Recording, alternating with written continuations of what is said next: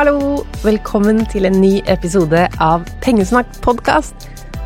Vi skal snakke om småbarnstiden og alle utgiftene som da kan komme. Men først så må jeg bare si tusen takk for responsen på forrige ukes podkast. Da delte jeg jo at jeg har laget en Facebook-gruppe til oss. Og jeg spiller inn det her i forrige uke, så når jeg spiller inn dette, så er den gruppen bare noen dager gammel, og vi er allerede flere tusen pengesnakkere der inne, snakker om penger, diskuterer privatøkonomiske temaer. Kjempegøy å se hvor engasjerte dere er, og hvor raust dere deler av egen kunnskap. Hvis du har lyst til å være med inn i den gruppen, jeg har hørt at noen har slitt litt med å finne den, så den letteste måten å kanskje finne den på, er å gå inn på Facebook på den siden min som heter Pengesnakk, og der under der ligger gruppen Pengesnakkerne. Og det er der det skjer. Hvis du fortsatt ikke finner den, send meg en melding, så skal jeg hjelpe deg. I dag skal vi som sagt snakke om småbarnsutgifter, eller hvordan vi kan spare på utgifter, og hvilke utgifter du kanskje ikke trenger i det hele tatt. Så episoden er til deg som skal bli mamma eller pappa, eller som allerede er det. I går så skrev jeg syv tips til småbarnsfamilien, Det kan fort hende det blir mer enn eh, syv når jeg sitter her og spiller inn, men i blogginnlegget er det syv. Den har jeg allerede lagt ut på pengesnakk.no. Jeg legger også blogginnlegget i den nye, flotte Pengesnakkerne-gruppa på Facebook. Da kommer jeg til å spørre dere hva sparer dere på, eller har av tips til andre småbarnsforeldre. Så der er det bare å gå inn i kveld og lese og lære, for hvis jeg kjenner dere rett, dere har delt mye smart. Ok, kostnadene. De kan starte allerede før man blir gravid. Jeg har snakka med mange som har brukt titusener og til og med hundretusener på å bli gravide, og som sier at det er de beste pengene de noen gang har brukt. Altså, det å få et barn kan ikke måles i penger. For mange av oss, de fleste av oss, så er det gratis å bli gravid, og i Norge er jo også svangerskapsomsorgen gratis. Det koster ikke penger å føde, og man får også oppfølging i ettertid gratis. Det er allikevel mye man kan bruke penger på, og det starter jo allerede når du blir gravid. Graviditetstesten er kanskje den første utgiften.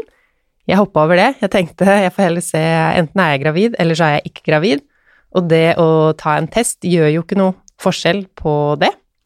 Så det var kanskje ikke først og fremst for å spare, men det var i hvert fall ikke min eh, første utgift.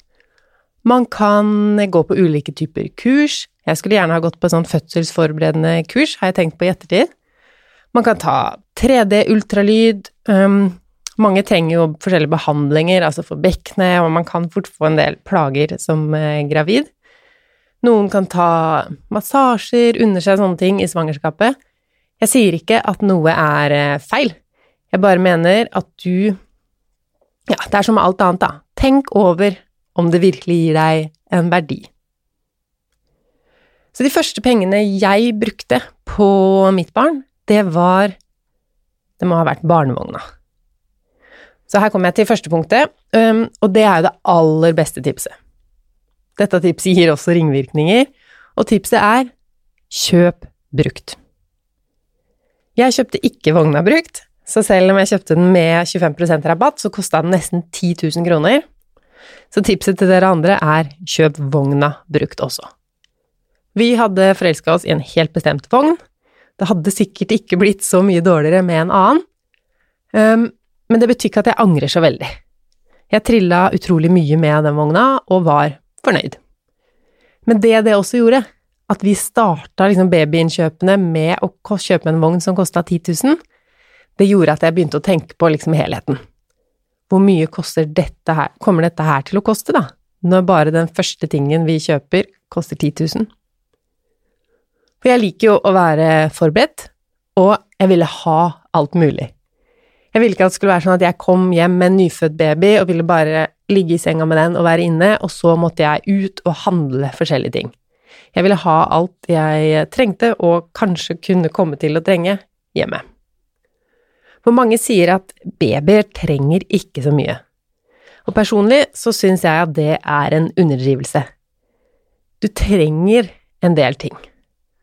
Du må ha et sted å stelle, du må ha kluter, håndklær, bleier. Du trenger ikke å ha alt mulig sånn medisinsk utstyr, men kanskje et febertermometer. Bor du langt unna apotek, så kan du ha kjøpt kanskje Paracet på forhånd. Vi hadde apotek veldig nærme, så jeg venta til han faktisk fikk feber med å kjøpe inn det. Og det var lurt, for han hadde vel ikke feber det første året, og de eh, tablettene er jo delt inn i sånn Altså den første er fra null til fire måneder, tror jeg, og så er det en som er opptil et år. Så hvis du ikke får bruk for det, så er det jo bomkjøp. Men som sagt, hvis du bor langt fra et apotek, så er det jo lurere å ha flere ting hjemme. Babyen trenger klær. Den trenger eh, Altså, den trenger ikke vogn, men har du ikke vogn, så må du kanskje ha et sånt bæresjal eller en bæresele. Begge deler. Jeg hadde både vogn, bæresjal og bæresele. Amming er jo veldig økonomisk, hvis man får til det, men det krever jo også at du har kanskje noen ammevennlige klær, sånne amme-bh-er og ammesingletter og litt sånne ting. Jeg var glad for å ha en sånn eh, melkepumpe, som jeg etter hvert kunne være litt vekk hjemmefra, at noen andre kunne gi babyen melk. Veldig glad for at jeg hadde en sånn ammepute de første ukene. Um, hva annet trenger babyen? Etter hvert så trenger han jo noe å spise fra selv. Trenger kanskje en stelleveske, en stellematte til å ha hjemme. Et sted skal jo babyen sove.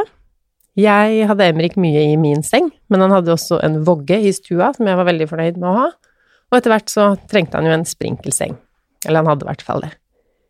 Babyer trenger jo aller mest nærhet, mat, et sted å sove, men det blir allikevel litt klær og utstyr. Det gjør livet enklere. Og SIFO, vi er jo alle glad i dette SIFO, Statens institutt for forbruksforskning, som lager um, dette budsjettet som jeg pleier å bedre sjekke matkostnader uh, opp imot. De har også beregna hvor mye det skal koste å få et barn. Uh, nå var jeg litt lat i dag, så dette jeg sier nå er tall fra 2016, da jeg ble mamma. Men bare legg på litt, så har du 2019-tallene. De har beregnet at man trenger litt over 20 000 kroner til de innkjøpene før babyen ble født. Og så skal du da supplere med litt under 1000 kroner i måneden med ting du da kommer på etter hvert at du trenger. De regner også med at den genererer andre utgifter i løpet av det første året, denne babyen, og det var se, 12 600 kroner i 2016. Den summen tenker jeg at det gjør den kanskje uansett, med litt sånn grøt og sånn, så det holder jeg eh, utenfor. Men det blir allikevel over 30 000 kroner for sånn utstyr i starten. Det er mye. Og veldig mange bruker jo mer enn 30 000. Så hvis du vet at du vil ha barn om noen år, så kan du enten begynne å spare, eller lage en plan for å kjøpe ting brukt. Etter jeg hadde kjøpt den dyre vogna, så kjøpte jeg resten brukt. Noen unntak, skal vi se, jeg kjøpte en madrass. Var det noe mer? Um, kjøpte en smokk på apoteket. Kjøpte to forskjellige smokker, han ville ikke ha noen av de, så da var det greit. Jeg kan skjønne at man har lyst til å kjøpe masse greier når man skal bli foreldre. Babyklær Altså, det finnes jo ikke noe søtere enn bitte små klær. Men hvis du kjøper alt, eller hvis du kjøper halvparten, da, eller i hvert fall noe brukt, så sparer du penger, og du sparer miljøet. Altså, babyer er jo kjempesøte uansett hva de har på seg. Altså, arveklær er, kan være like søte som de nye klærne du kjøper. Og selv om det er sånn tre for to, og det er billig å kjøpe nye klær, så er det enda billigere å kjøpe de brukt, jeg kalte jo sønnen min for Arveprinsen de første årene han levde på bloggen, fordi han har bare brukte ting. Nå har han ikke bare brukte ting lenger, han har jo fått både klær og utstyr til eh, bursdager, juleselskaper, ting som er nytt, men det aller meste han har, det er brukt. Og når man er så liten, og kanskje litt eldre òg, så liker man det. Altså, når sønnen min fikk en trampoline til bursdagen, den hadde vi henta hjemme hos en familie, helt gratis. Og det var jo mye mer stas å hente den hjemme hos noen store jenter enn i en butikk. Klærne hans òg, han syns det er mer stas å ha noe som noen store barn har hatt før han.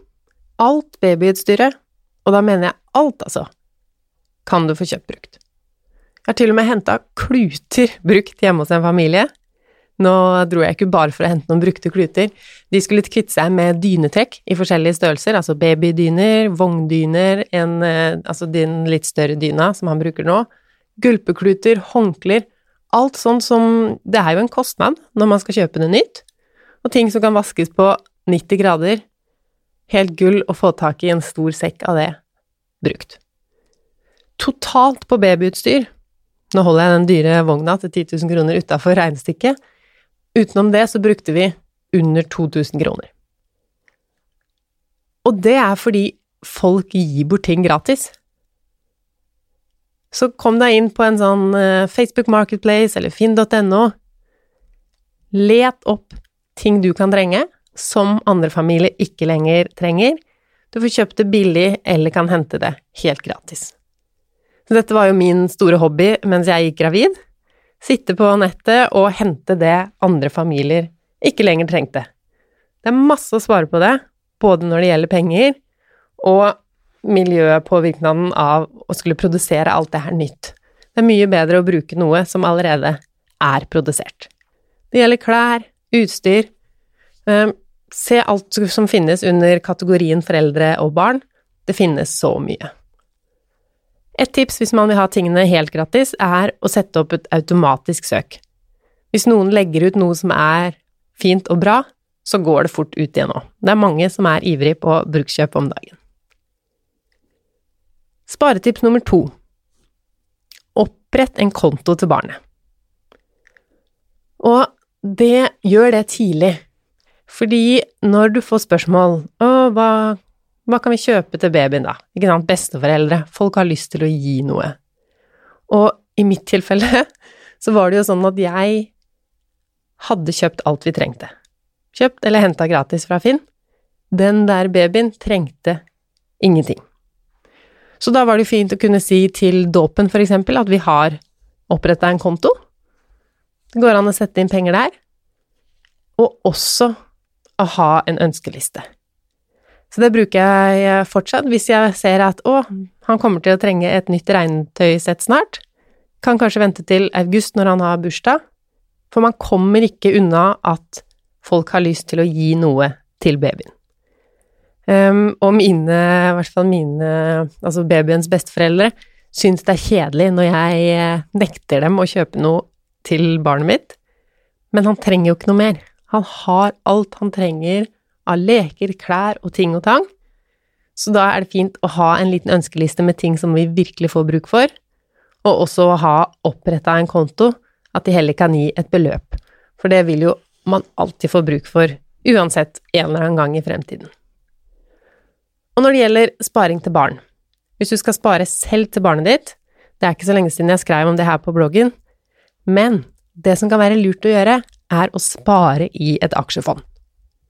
Og jeg skjønner at det høres skummelt ut, altså man vil jo ikke ta risiko med barnet sine penger, men den risikoen det er å sette penger i aksjefond som skal stå der i kanskje 20 år, den er ikke spesielt stor.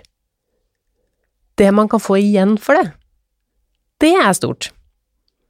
Når renta på sparekonto er 1% eller under det, og du kan få mellom 5 og 10% i aksjefond, så sier det deg selv at over mange år blir det mye penger. Og det sier ikke helt seg selv heller, faktisk, når du faktisk går inn og ser med renters renteeffekten hvor mye det kan utgjøre på 20 år, så ser du at det er veldig smart å spare i noe som gir høyere avkastning enn en vanlig sparekonto. Jeg anbefaler alltid å spare i ditt eget navn, og det er jo fordi en av grunnene er at hvis du sparer i barnets navn, så er pengene barnets når det blir 18 år. Hvis du vil være med på å bestemme at de pengene ikke skal brukes til sydentur og russebuss og moped og bil eller jeg vet ikke, ha det i ditt navn. Det er i tillegg bra hvis den formuen blir litt stor. Så har um, overformynderiet en grense på hvor mye de vil at barn skal eie, uten å gripe inn og ta litt kontroll på de pengene. Det betyr jo ikke at de tar dem, men de kan eksempel bestemme at pengene ikke skal tas risiko med, og at de heller må stå på en vanlig sparekonto. Har du spart i ditt navn, så er det du som bestemmer.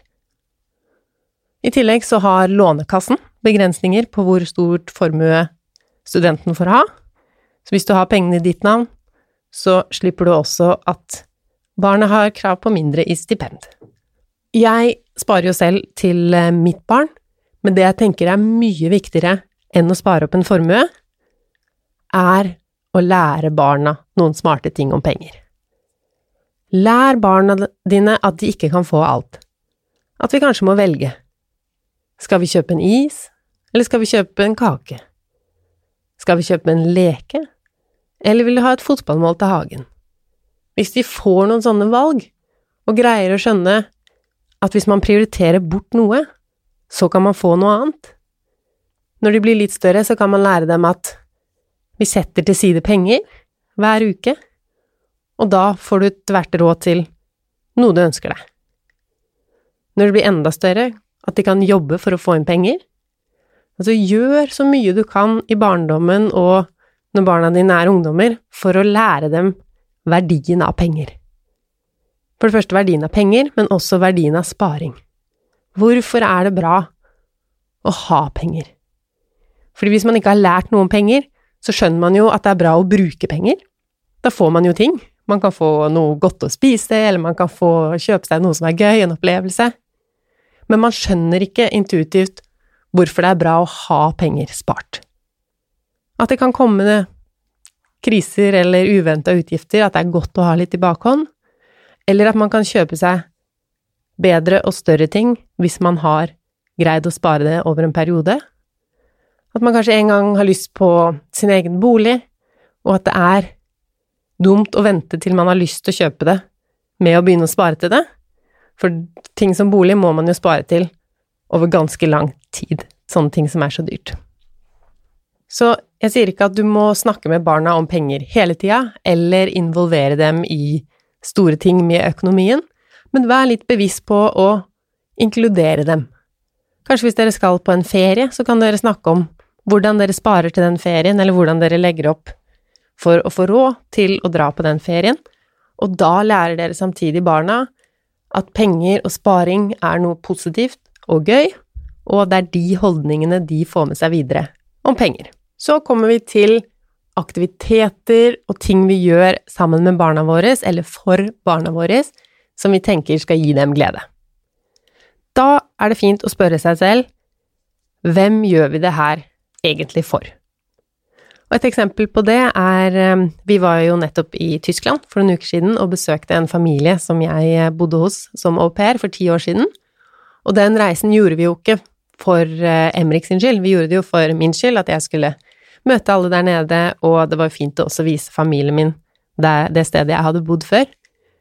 Um, så ble det jo sånn at de aktivitetene vi gjorde der nede, var for Emrik, mye av de, da og vi dro blant annet på et gravemaskinmuseum.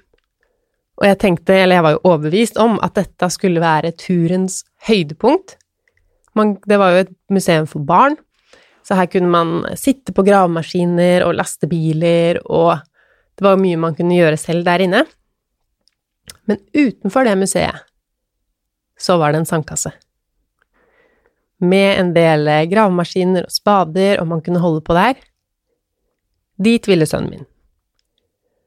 Og jeg begynner å si at men vi skal jo inn der, der er det så gøy, vi skal inn på dette gravemaskinmuseet. Men han syntes jo det var gøy der han var, og jeg skulle jo ikke inn på det museet for min del, jeg skulle jo inn der for hans sin del, for at han skulle ha det gøy, men han hadde det jo allerede gøy. Så hvis man husker på å for, liksom spørre seg selv det spørsmålet litt, hvem gjør jeg det her egentlig for? Å ja, jeg gjør det jo for han, så hvis han har det gøy her ute, så trenger vi jo ikke å forte oss inn der. Dit kan vi jo gå når han begynner å bli lei av sandkassa, eller han blir sulten, eller et eller annet sånt. Så å ikke stresse med å skulle gjøre ting for barna våre som vi tenker er stas, men som ender opp med å ikke bli så stas, fordi man må kjøre og ordne og styre og forte seg, og et annet eksempel er jo at vi skulle på åpen brannstasjon for noen uker siden, og det var vi jo også overbevist om at skulle være supergøy for Emrik, som elsker brannbiler og sirener og slanger og røyk, og dette skulle jo bli så stas. Um, når vi kom dit, så spurte han om vi kunne dra på en lekeplass. Og jeg og faren hans blei litt sånn Hæ, her er du jo på det kuleste stedet i verden, dette arrangementet her, det er bare én dag. Her er brannbamsen Bjørnis og alt som skulle være så stas. Da var han plutselig ikke så opptatt av det. Så vi kunne jo like så godt ha bare gått til en uh, lekeplass i nabolaget, som vi veit han elsker, som blir stressfritt for alle, som er hyggelig. Nå var jo dette et gratisarrangement òg, men lekeplasser er jo også gratis. Ha med matpakke, ikke ha dårlig tid. Ikke tenk liksom nå må jeg forte meg til lekeplassen, dra med meg ungen. Fordi du skal jo på lekeplassen for å ha det bra med barnet, så hvis det vil bruke lengre tid, kikke på noe i veikanten Det er ikke noe vits til å forte seg. Tenk igjen på hvem du gjør det for. Sparetips nummer fem, det handler om ting og tang. Og stikkordet er minimer. Det blir ikke bedre jo mer man har. Og for eksempel leker. Jeg vet ikke hvordan det har skjedd. Jeg syns jeg har kjøpt utrolig lite leker. Det er masse leker hjemme hos oss.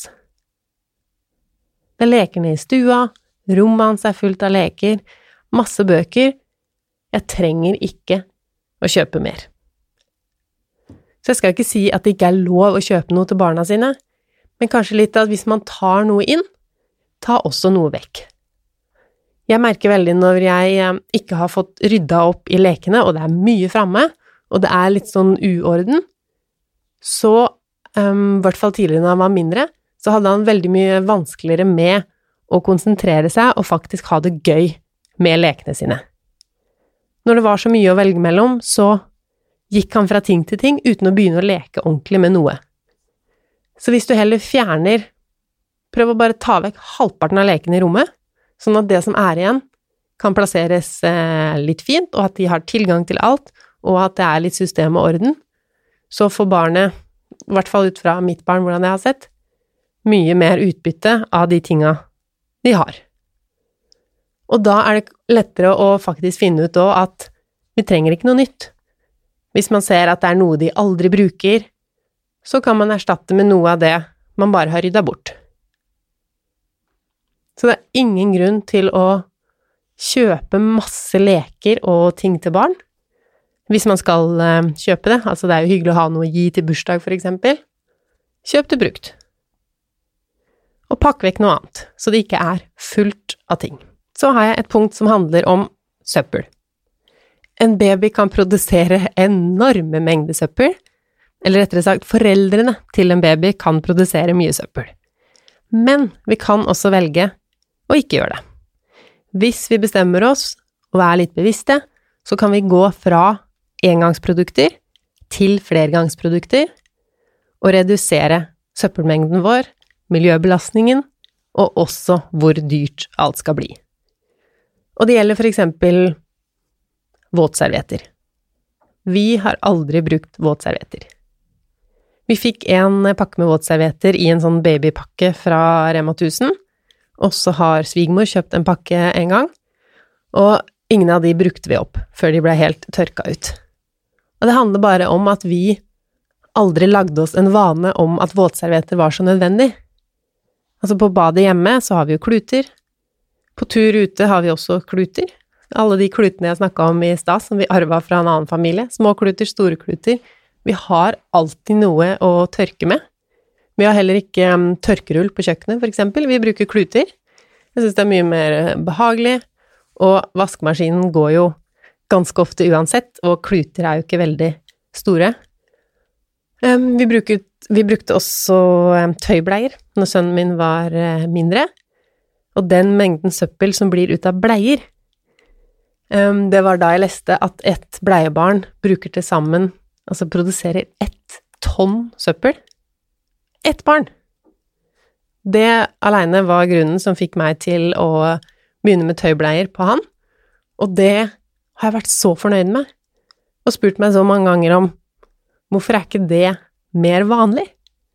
at jeg måtte gjøre så Altså, jeg måtte jo aktivt gå ut og søke informasjon, finne ut hvor i all verden får man kjøpt tøybleier. Man må liksom sette seg veldig inn i noe som er et helt nytt tema. Fordi normalen er jo å gå på butikken, kjøpe en bleie, bruke den, kaste den i søpla. Så, men selv om det å bruke tøybleier er et litt mer aktivt valg, så gir det veldig mange fordeler. Og jeg har skrevet et innlegg eh, om det før, så jeg linker til det i blogginnlegget som jeg har eh, lagt ut i går kveld. Tøybleiene er jo bra for barnet ditt, det er bra for miljøet, det er bra for For min del var det veldig praktisk å heller eh, bruke noe jeg bare kunne vaske, enn noe jeg måtte kjøpe og kaste, ta med hjem fra butikken, gå ut med søpla.